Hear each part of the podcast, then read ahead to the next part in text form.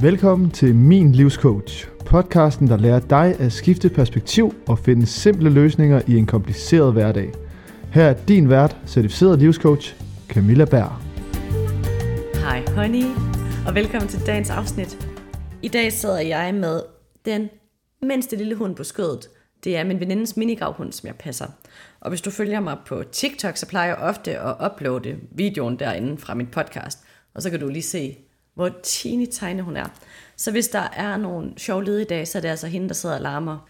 Og jeg har fuldstændig glemt, hvordan det er at have hundevalp. Min han er jo ved at være to og et halvt år, så det er noget tid siden. Jeg har glemt, hvor meget man skal ud, og hvor meget man skal være over dem hele tiden, og hvor meget tid de tager væk fra alle de andre ting, man skal lave. Så lige nu, der er jeg rigtig glad for, at jeg har skabt overskud i min hverdag til at tage tiden ud, og i hvert fald vide, at det er okay. At jeg ikke lige når det, jeg skal nå, fordi der er en lille, lille hundevalp. Og det lyder lidt som om, at jeg har overskud til, at jeg bare kan lade være med at arbejde. Og det kan man sige, det har jeg vel også, men det er egentlig mere i at være okay med, at jeg måske når lidt mindre i en uge, end jeg når i en anden uge.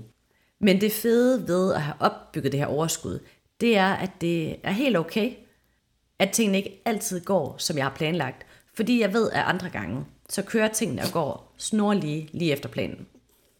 I min frokostpause i dag, der sad jeg og drak kaffe med en gammel kollega, som er flyttet næsten lige ved siden af. Mega hyggelig. Og vi kom til at sidde og snakke om vores gamle arbejde, sjovt nok, og sådan lidt i en perspektivering til det her med hundevalpen versus vores gamle arbejde, der kom virkelig mange tanker op. Vi arbejdede sammen under covid, hvor jeg var projektleder inde ved Falk og stod for en del af testcentrene her i Aalborg. Det var 70 timers arbejdsuger med fart på og konstante forandringer. Og jeg havde virkelig et hjerte, der bankede for mine medarbejdere, at i den her helt hovedkulte situation, så ville jeg gerne sørge for, at de havde en god arbejdsplads. I hvert fald så godt, som det kunne gøres i så meget forandring. Men der var også øh, en høj grad af, at det var økonomien, der træk. Fordi det var også lidt fedt at tjene en god løn. Fordi der var lidt en idé om, at hvis jeg tjente nok og sparede nok op, så ville det give mig økonomisk frihed på sigt. Jeg havde en idé om, at økonomisk frihed ville give mig en meget bedre hverdag på sigt, og det vil give mig sådan, det ville gøre, at jeg generelt havde det bedre. Jeg troede, jeg havde brug for økonomisk frihed for at få det godt. Og alt det grind, jeg lagde, det ville give mig en eller anden form for forhøjet lykke på sigt. Og det vil det måske også for nogle mennesker. Men hvis du gør ligesom jeg gjorde, så lover jeg dig, at det altså ikke er vejen. Fordi jeg havde det på en måde, hvor jeg ikke havde de materielle ting, som jeg gerne ville have. Og jeg havde et arbejde, der gav mig udsigt til at få dem. Men det her arbejde, det krævede også en høj grad af fleksibilitet og lange arbejdsdage. Og jeg tænkte ved mig selv, at jo hårdere jeg arbejder nu, jo mere frihed får jeg senere. Og det gjorde mig rigtig stresset. Hvilket betød, at jeg overarbejdede, og jeg var sådan lidt stolt af det her overarbejde. Så jeg forstærkede mig selv i, at det var sejt at arbejde så meget, fordi at jeg virkelig viste andre, hvor meget jeg var i stand til at arbejde. Jeg kunne simpelthen ikke stoppe. Og jeg blev ved med at tænke, lige efter den her bakke, når vi lige har åbnet det her testcenter, så kan jeg få ro på. Når vi lige har ansat de her medarbejdere, så kan jeg få ro på. Men der kom bare aldrig rigtig det der tidspunkt, hvor man var kommet over den næste bakke. Fordi hver gang man kom over en bakke, så kom der en ny. Og det betød også, at jeg glemte mig selv i nuet.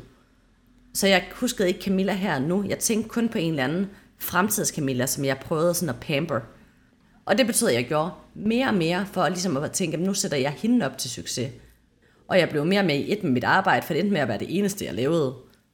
Og fordi at jeg var så fokuseret på mit arbejde, så blev det også rigtig svært at håndtere udfordringer og nederlag, som kom, fordi det gør udfordringer og nederlag, men når det er det eneste, man har, så kommer det til at fylde så enormt meget.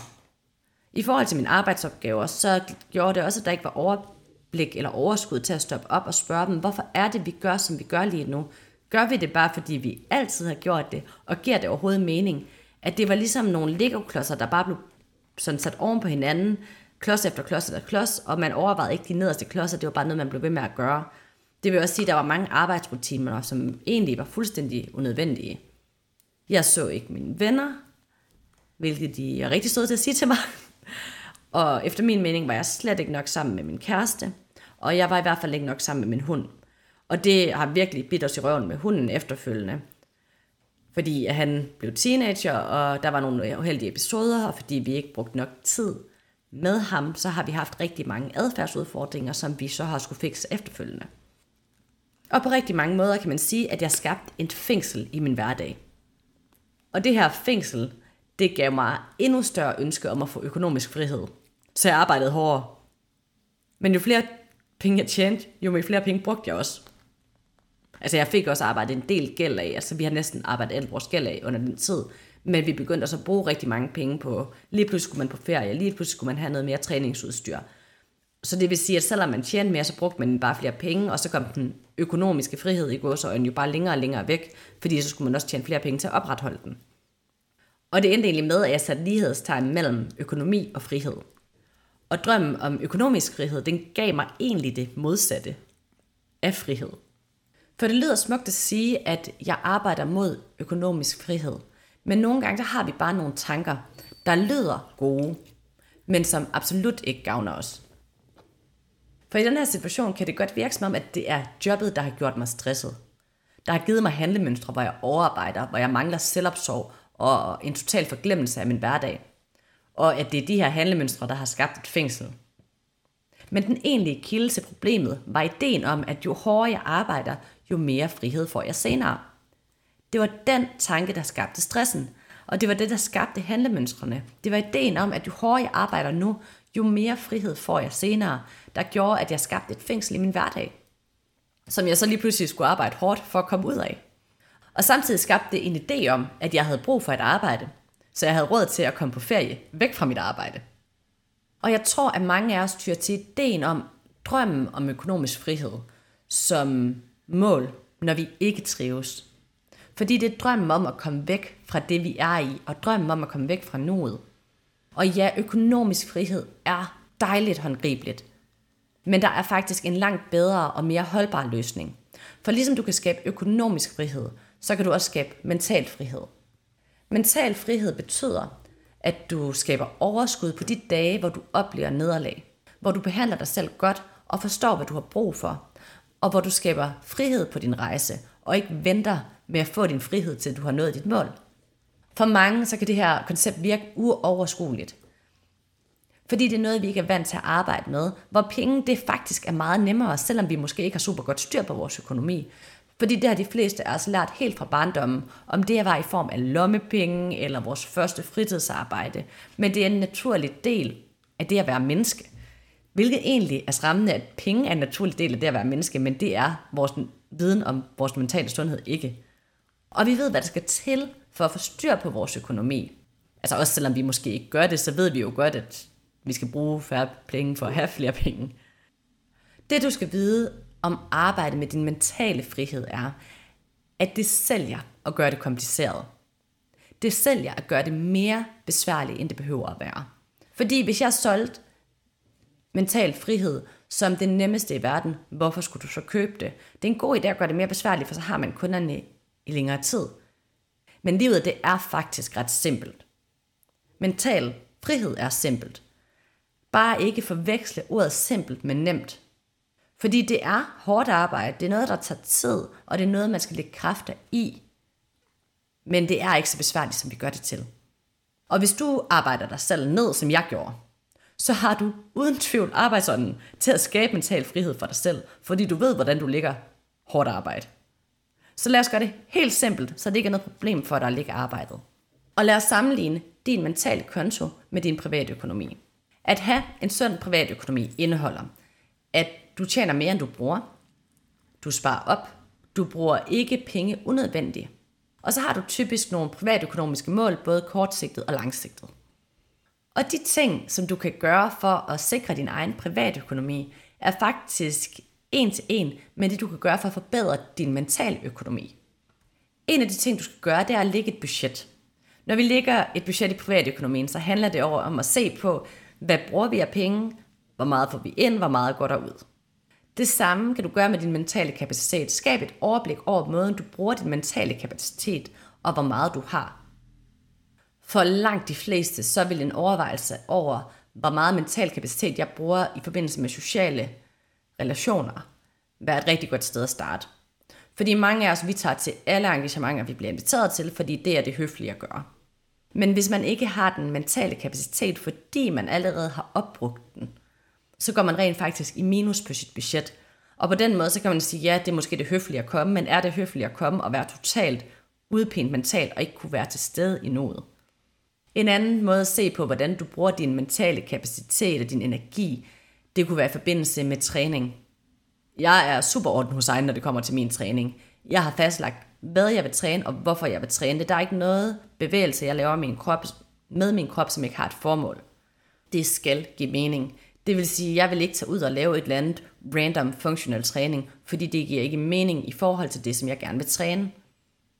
Og så er der mange, der vil sige, jamen det er jo bare bevægelse, Camilla. Sådan, ja, bare bevægelse, det er ligesom at sige, jamen det koster kun 70 kroner at købe en pizza. Det er også penge, jeg mister på min konto. Så jeg er meget stringent omkring at sige, jamen jeg vil gerne pole dance, jeg vil gerne danse, og jeg vil gerne dyrke styrketræning, som bakker op om det. Og om sommeren vil jeg gerne kunne wakeboard og longboard, og lave træning, der bakker op omkring det. Og så har jeg nogle andre ting, som jeg giver mig selv lov til at lave, fordi jeg nyder det, og det også giver mig energi, som at gå tur med min hund, lege med min næse, og lege med mine venners børn, og så videre. Men der er også bare rigtig mange ting, som jeg fravælger, fordi det ikke bidrager til min mentale kapacitet i forhold til mit personlige mentale budget. Det næste, du skal gøre, er at overveje, hvordan du bruger dine penge. Så brug ikke unødvendige penge. Oversat. Overvej, hvordan du bruger din mentale kapacitet. Om det er noget, du rent faktisk gerne vil. For rigtig mange gange, så gør vi ting, fordi vi altid har gjort det. For eksempel så er der mange af os kvinder, der mener, at vores lejlighed skal være spotless, når der kommer gæster. Og der kan vi hurtigt få opbygget den forhold til hinanden, hvor så skal den være spotless, når folk de kommer hjem til mig, og så når jeg kommer hjem til andre, så skal deres lejlighed også være spotless. Og der er faktisk ikke nogen af os, der trives i det, men vi gør det, fordi det har vi altid gjort, men vi har aldrig snakket med hinanden om det. Jeg er i hvert fald kommet til den konklusion, at mit liv er for kort til en spotless lejlighed. Hvis det er noget, der gør nogen glad, så, så endelig gør rent. Jeg gør rent, så det har er rart at være. That's it. Der er ikke nogen, der skal regne med mere. Et andet sted, vi kan bruge en unødvendig kapacitet, er også, når vi oplever det her meget moderne FOMO, hvor vi tror, vi skal med til alt. Og nærmest får det helt dårligt over at være hende, der, der ligger hjemme på sofaen. Så en reel overvejelse over, hvordan man bruger den mentale kapacitet, hvorfor jeg oplever FOMO, og om jeg egentlig ikke heller vil være hjemme på sofaen, er en rigtig sund læring at få. Så skal du opbygge de nødvendige reserver. Det vil sige, at din private økonomi, så vil du putte nogle penge over, måske på en opsparingskonto. Det kan også være, at du er typen, der bare har én konto, men du ved, at der er et eller andet minimumsbeløb, der altid skal være på kontoen. Og det er det samme, vi gør, når det kommer til, den, til det mentale. Det er at sørge for, at vi har bygget vores hverdag op, så vi har huller i vores schema, så vi har plads tidsmæssigt, og alt ikke bare ligger banket op af hinanden. Fordi hvis vi ikke gør det, så svarer det lidt til, når man makser ud midt på måneden. Så jeg har fået min løn den første, den 15. der har jeg brugt alle mine penge, nu er der ikke mere tilbage, og nu skal jeg gå og sådan samle pant ind for at kunne overleve. Og det er altså det samme, hvis du makser ud på det mentale. Hvis du løber dig selv fuldstændig smadret i den første del af måneden, så har du ikke mere tilbage til den anden, sidste del af måneden. Og værst af alt, så har du ikke noget tilbage til en rainy day, hvor alt går galt. Så ligesom at du altid har penge stående til en case børnene kommer til skade, en case hunden skal til dyrlægen, hvad end det kunne være, så skal du også sørge for, at du har lagt tid og reserver ind på dit mentale overskud til den dag, hvor det ikke går, som det skal på arbejdet. Hvor du ikke får den forfremmelse, du har regnet med. Hvor dit barn får en sædel hjem fra skolen med, at de har bidt et andet barn. Hvor din hund gør en anden hund. Fordi de dage, hvor alt går galt, der har du brug for de her reserver, der har du brug for, at du ikke har brugt alt dit overskud, for at du kan overskue at være dig, og for at du kan tage den beslutning, som du ønsker dig, at du skal være mennesket, der tager. Og det kræver overskud. Så skal du sørge for at få investeret og spare op. Ligesom vi kan investere i aktier, så går aktierne op og ned. Som udgangspunkt siger man, at aktiemarkedet det altid stiger over tid, hvis det er en langvarig investering. Og det er det samme, vi gør med vores mentale sundhed. Det er hårdt arbejde, det går op og ned, og der bliver meget tiden, hvor man føler, at det er bare fucking hårdt at være i. Men det er som at stå frø, fordi det er en langvarig investering. Det vil også sige, når man begynder at arbejde med sin mentale sundhed, så er det måske også noget, man ikke kommer til at mærke hver eneste dag resten af livet. Men når man har brug for det, så er frøene ligesom vokset til små træer, helt uden man har opdaget det. Så det er en langvarig investering at investere i sin mentale sundhed. Og det er også en måde, hvorpå du kan spare op mentalt, Fordi investering i dit mentale sundhed, det opbygger ressourcer og værktøjer til, at du kan overskue ting. Fordi det, at du for eksempel kan lære at overholde aftaler med dig selv, det vil gøre, at du på sigt ikke har noget, du skal være nervøs om du opnår. Fordi du ved, at hvis jeg har sagt, at jeg gør det her, så gør jeg det. Også selvom det er noget, du ikke gider. Værktøjer kan være, hvordan du håndterer nederlag. Så når der opstår en situation, du vil opfatte som et nederlag, så ved du, hvordan du skal håndtere dig selv og dine egne følelser og dine egne tanker omkring det her nederlag. Eller læring, som jeg jo hellere vil kalde det.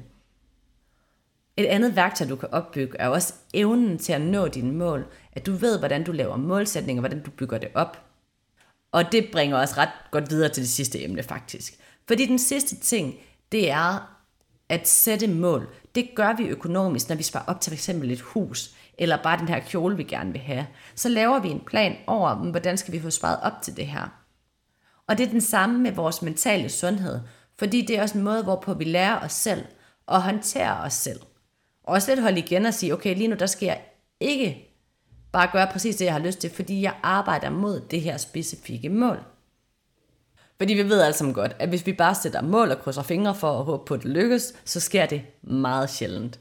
Der skal simpelthen ligge sin plan. Men den her plan, den skal også kunne eksekveres af dig. Og det er det, som værktøjerne kan give dig. Og nu ved jeg godt, at jeg har sagt, at det var det sidste. Og nu ved jeg godt, at jeg har sagt, at det var det sidste. Men jeg har lige to punkter mere, som måske er mere en løftet pegefinger. Få den hjælp, du har brug for. Ligesom at der er eksperter, der kan rådgive dig økonomisk, så er det coaching kan den absolut hurtigste, bedste og mest effektive måde at nå dine mål og arbejde med din mentale frihed på. Og der er ikke nogen skam i at få hjælp til at arbejde med det. Fordi det er ikke noget, vi har lært som børn, så derfor der skal vi opnå helt ny læring i forhold til at forstå den, hvordan virker vores sind, hvad kan jeg gøre, hvad er de rigtige værktøjer for mig. Og ægte til sidst. Undgå de lån, der virker for gode til at være sande. Kviklån og sms-lån er nemme her nu løsninger. Men alle, der har set luksusfælden, vi ved også godt, hvor mange år det kommer til at tage og betale tilbage. For sådan er det også med coaching. Hvis du finder en løsning, der virker for god til at være sandt, så kan det være direkte skadeligt. Og du kan rent faktisk ende med at skulle bruge rigtig mange år på at arbejde dig selv tilbage til dit udgangspunkt igen for at kunne arbejde dig fremad. For du vil møde coaches, der fortæller dig, hvad du skal gøre. Og at de har den gyldne løsning. Personligt er jeg den klare overbevisning, at du er eksperten i dit liv. Derfor skal du finde en coach, der hjælper dig med at finde din løsning. Og det er mere arbejde til dig, fordi det handler om at se ind i dit sind og finde ud af, hvad betyder rent faktisk noget for dig, i stedet for bare at servere en løsning for dig på et sølvfad, så er det dig, der skal lægge arbejdet, hvor du får hjælp til at skabe perspektiv for coachen. Men det her det er også en holdbar løsning til sigt, på sigt. Fordi du skaber løsningen omkring din mentale frihed baseret på dig og dig som individ. Alt for mange tror, at økonomisk frihed er løsningen. Men jeg vil love dig, at ligegyldigt hvor mange yachts eller lejligheder af mig Bella du køber, så bliver du ikke lykkelig, hvis du ikke allerede er det. Så start den anden vej. Start med at arbejde for din mentale frihed. For det bedste af det hele er, at med den mentale frihed, så får du også værktøjer til at skabe den økonomiske frihed.